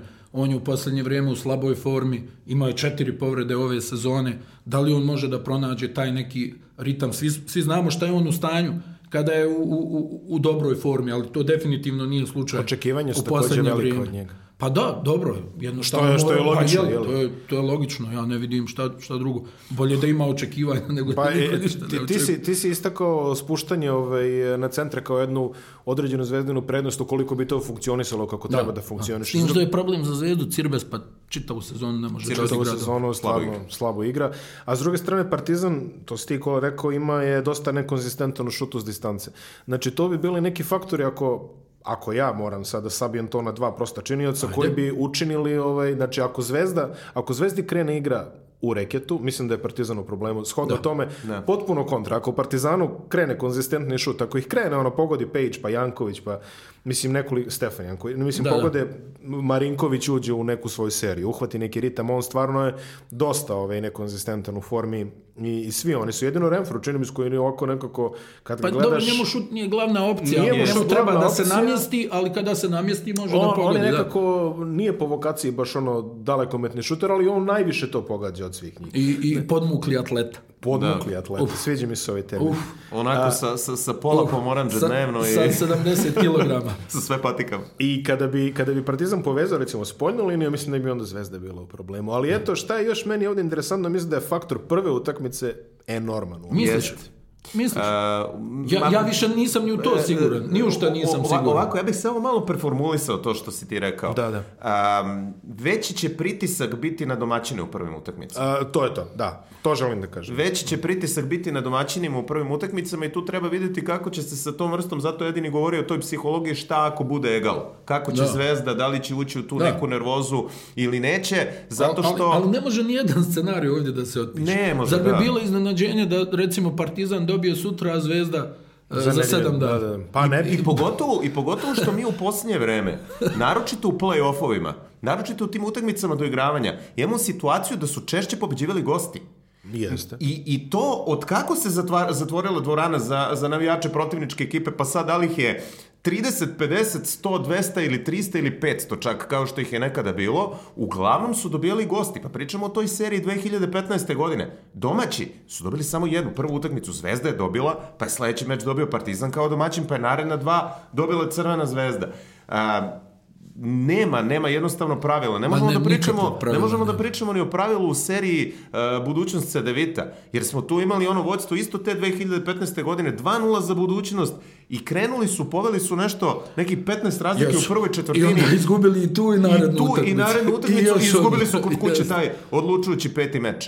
Uh, sve a, a recimo prošle godine u play-offu CDVita Budućnost uh, kao ako budućnost ovo zatvori u drugoj utakmici to je to. to je to. Ako dođe do treće utakmice, oni će da puknu pod pritiskom, a nisu. Nisu. I onda zato kažem, I meni čak... stvarno ne bi bilo nikako iznenađenja bilo koji scenarij u ovom duelu Crvene zvezde i Partizana. I kad je, i kad je recimo krenuo preokret uh, e, budućnost Cedevita u to odlučujući trećoj utakmici, pa pošto smo imali oni spektakularni ali up gdje je cela dvorana ono otprilike začutala, pa su onda čuli i aplauzi na račun igrača Cedevite i tu je budućnost krenula i to je napravila taj preokret. Playoff je jako, jako čudna stvar i tu postoje neka pravila, postoje neke zakonitosti o kojima mi možemo da pričamo, ali sve to ne mora da znači serije su vrlo, vrlo specifične, pogotovo kada igraju timovi koji imaju ovakvu vrstu rivaliteta kao Crvena zvezda i Partizan ili timovi koji se jako dobro poznaju, imali su takve serije u bliskoj prošlosti kao što su budućnosti Cedevita. I treba tražiti u derbiju naravno uvijek ove igrače iz drugog, drugog plana. plana E, ko će tu da, da se snađe u, u, u datim trenucima, kako će Zvezda da izgleda kada Joe Regland bude e, na klupi, u kakvoj će on u krajnjoj liniji da bude u formi. Već smo pomenuli e, Radeta Zagorca, kako će Partizan da, da se skakački nosi, da Davidovac da. koji je odigrao odlično ono finale kupa, kakva će njegova uloga u svemu ovome Nije da bude. nemoguće da ga vidimo na kecu. Da. Skroz je moguće, ja čak rekao, mislim... Ono... Kako će Rivers da izgleda, on je igrač za velike utakmice, ali... A Rivers koji je mi smo pričali, sećaš se, posle onog prvog derbija, on nije izgledao kao košarkaš. Da. I Ali onda, evo ga sada, a evo ga sada opet, ove znači, dvije utakmice. Pre, prepoznatljiva ruka, prepoznači. Jest, jest. I, to, I to je ono o čemu govorim, a opet sve ovo što smo mi sad ovdje ispričali, ništa od toga ne Možemo mora da, da bude. Apsolutno, da, tako da, da kad se podbaci lopta, kad krenu, to su jednostavno takve utakmice, evo, e, gostovao je Milan Tomić kod nas u emisiji, pričao kako su, e, pao je osvojio prvu titulu Eh, evropskog eh, prvaka u svojoj istoriji i onda došao u finale play-offa i izgubio od Olimpijakos odlučujući meč 40, maltene eh, da. razlike. I, i, I baš je o tome govorio i trener Crvene zvezde, kao misliš sve na njihovoj strani, ne znam, napon, samopouzdanje, evropski smo šampioni, oni onda dođu i izgube to, ili recimo Olimpijakos osvoji titulu evropskog šampiona, dođe u finale play-offa protiv Panathinaikosa, tamo ih E, rastave lazme i gist, ono, yes, potpuno ih yes, istjeraju yes. iz reketa. Ja nikad nisam vidio više banana u jednoj seriji play-offa nego u toj što su ova dvojica, to je nemoguće. I, i, i, pro, i proslava da. Dimitrisa Janakopula sa, sa gistom. Kada, kada, gist, uh, kada gist lovi AC Loa, pa dvije trećine terena, i ovaj na polaganje, i ovaj mu e, udari, udari bananu, ne mogu da nađu loptu tamo u, Mislim. u publici, a Dimitris Janakopoulos koji ono skače licem u lice e, sa Gistom, pošto je on jedan od omiljenih, ako da. ne i omiljeni igrač, i njih dvojica urlaju onako, a, jedan na drugog, ono da ih odvedeš na doping test. Od a, da. a, gi, a, gi, Dobro, Gista su i odveli, vjerojatno. A, gist, da gist, gist koji radi takav naskok, da je skakao troskok, verovatno bi onaj Edvardsov svetski rekord bio pod ozbiljnim znakom pitanja temeljno smo sad pregledali sve ovaj, šta se desilo u Jadranskoj ligi ove sezone i ono što će se tek desiti, jel ne, da. da. tako kažemo. Jer neko od vas dvojice hrabra da prognozira nešto ili ćemo da ostavimo to postavljeno? A ne. Zašto? Za šta? Za playoff? da, da. Pa, stvarno ne znam. Osim toga, ovaj gruzijskog predstavnika u finalu. Ne, da stvarno, sam... stvarno ne znam. Ono, iskreno, ovo je, kako ono, po 25% svima. Da, da, da, da zaista. Stvarno, je ovaj, ono, nije, nije sad nikakva šuplja priča, nego stvar, stvarno ne znam U, u, u stvari, 50,01 u ovim polufinalnim serijama Zvezdi i budućnosti 49 biti da Partizan. Meni stvarno ono 50-51 i drugi par. Ne znam na koju će stranu da izađe. Vraćamo se što je kolega Kola rekao, periti. Znači, ono, magična komesarska reč. I poslednja tema koju ćemo obraditi, evo, sad počinje da se provlače ova priča o Grcima, jeli? Mislim, no da ko zna koliko je to verovatno, ajde da ne ulazimo u to koliko je verovatno, ali ajde da se prosto isfokusiramo ako se to nekim čudom zapravo desi. Šta mi dobijemo tim?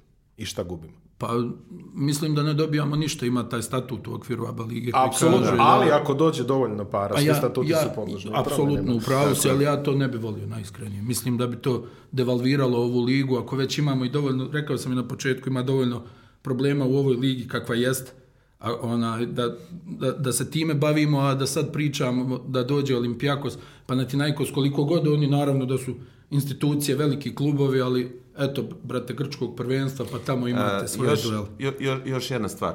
Uh, super je bilo da vi u ABA ligi koja se igrala za prestiž, koja se igrala Tako za je. šampionski prsten i zvanje nezvaničnog prvaka bivše Jugoslavije, Tako. imate gostujuće timove kao što je, ne znam, Makabi, A, i tu je mogao da i, prođe Makabi dva puta, onda smo već ali, posle imali neka ona pomjeranja pa, sa klubovima pa ne, imate, koji uz dužno puštovanje. Da, imate, imate Nimburg koji dođe tu i rekreativno igra, u zavisnosti od toga šta njima dolazi u njihovom evropskom takmičenju i šta im dolazi u njihovoj ligi koju su u datom trenutku igrali, da li je bila VTB, da li je bila Češka, potpuno nebitno. I sada, imate situaciju da neko ko vam igra rekreativno i kome ta liga ne donosi ništa, direktno može da utiče na plasman timova. Da. Znači, ne može takmičarski aspekt. Vi ovde imate 10-12 klubova iz regiona, ravnopravno bore za jedno mesto u Euroligi svako ko tu dođe i nema tu vrstu takmičarskog motiva bi potpuno takmičarski izbacio ligu iz Moje su informacije da je većina klubova protiv toga. Pa i Ajde. meni je bilo logično, ja bi bio ovaj... E, moje su informacije da je većina klubova protiv toga, sada imamo ABA ligu, imamo drugu ABA ligu, Imamo taj neki e. sistem e, kako se ispada, kako se ulazi, konačno na nešto to liči i sad da ti dođe kogod, ne znam ja, Golden State Warriors, sve je to lijepo, ali ovdje ono, daje ove klubove s prostora bivše Jugoslavije, nek se igra, nek je borba za Euroligu, imamo to jedno mjesto, ne treba sad neko drugi tu da kroji sudbinu ovim E, ostalim timovima, bez obzira koliko oni bili zadovoljni, nezadovoljni onim što se dešava u njihovim nacionalnim prvenstvima. Mada, uh, možda se tu rodi jedan cunning plan, što bi rekao Boldrick ovaj, u Crnom Guji. Uh, evo ovako, sada dođu Olimpijakos i Panatinikos. Makabi se vrati. Dođe, U, čekaj, dođe, dođe, ovo je Pre, prema nekim nezvaničnim informacijama Makabi se raspitivo u slučaju da Olimpijakos i Panathinaikos dođu.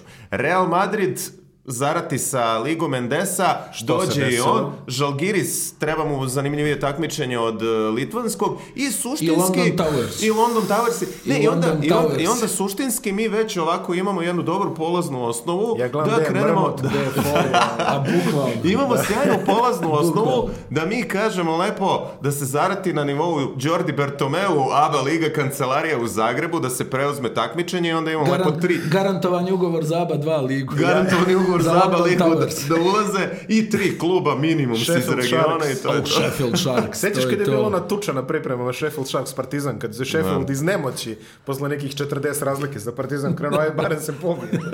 to su... Šta drugo e, je? Šta, šta drugo e, ali to su, to su stvari koje nikada neće proći. Znači, Pariz sa evroligaškim košarkaškim klubom još možda negde pa, u nekom možda scenariju. Može, da, ako Arapi koji vode Paris Saint-Germain daju novac da se napravi košarkaški klub, eto, da, da, možda, možda, možda i naprave. Da. Šestnestinu Neymara otprilike. otprilike. Tu negdje, otprilike. Da. Ali u Engleskoj se nikada ni jedan sport neće igrati na nivou na kom se igra futbol, pa čak ni blizu. Mislim to Olimpijakos, Panathinaikos, e, svi sad možemo, ko prati tu Grčku ligu i njihove te međusobne sukobe, sudijske greške, možeš da, pa ima ih jedno vreća čitava i za jedne i za druge i u evropskim takmičenjima i u nacionalnom prvenstvu, tako da eto tam e, grčkog prvenstva nek a, a uživaju... njihove navijače, onda bi oni dobili još dva. Da li bi to dovelo do nekog ono prezasićenja? Sigurno i bi. Ne, ne, ali u toj varijanti oni ne bi, ne bi igrali, igrali grčko prvenstvo. Ali za nije Panathinaikos rekao da bi on želao da igra i Grčkoj. Pa dobro, možda dobro. oni, ali Olimpijakos ne bi. Da, I, jako će to da bude zanimljivo, jer... Uh, A to... sjetimo se kako je Panathinaikos trebao da igra FIBA ligu šampiona, čak je bio A, da, sastav. Da, da, da, bio, tako, je, da. tako je. Ali, ali mislim da od toga nema ništa, mada uh, bit će zanimljivo ispratiti sve to, zato što m, mm, stvarno utisak da Olimpijakos neće ove godine popustiti sa tim svojim zahtevima da strane sudije što je praksa u Grčkoj. Ovako deluje banalan e, predlog da nemamo praksu u Grčkoj u futbalu, tako da, da. derbije sude dobro, strane VTB sude. sude i VTB strane sude, strane mislim sude, nije da. to sad ništa novo, ali opet kažem, jedni i drugi imaju toliko svojih nekih... Kiprska liga.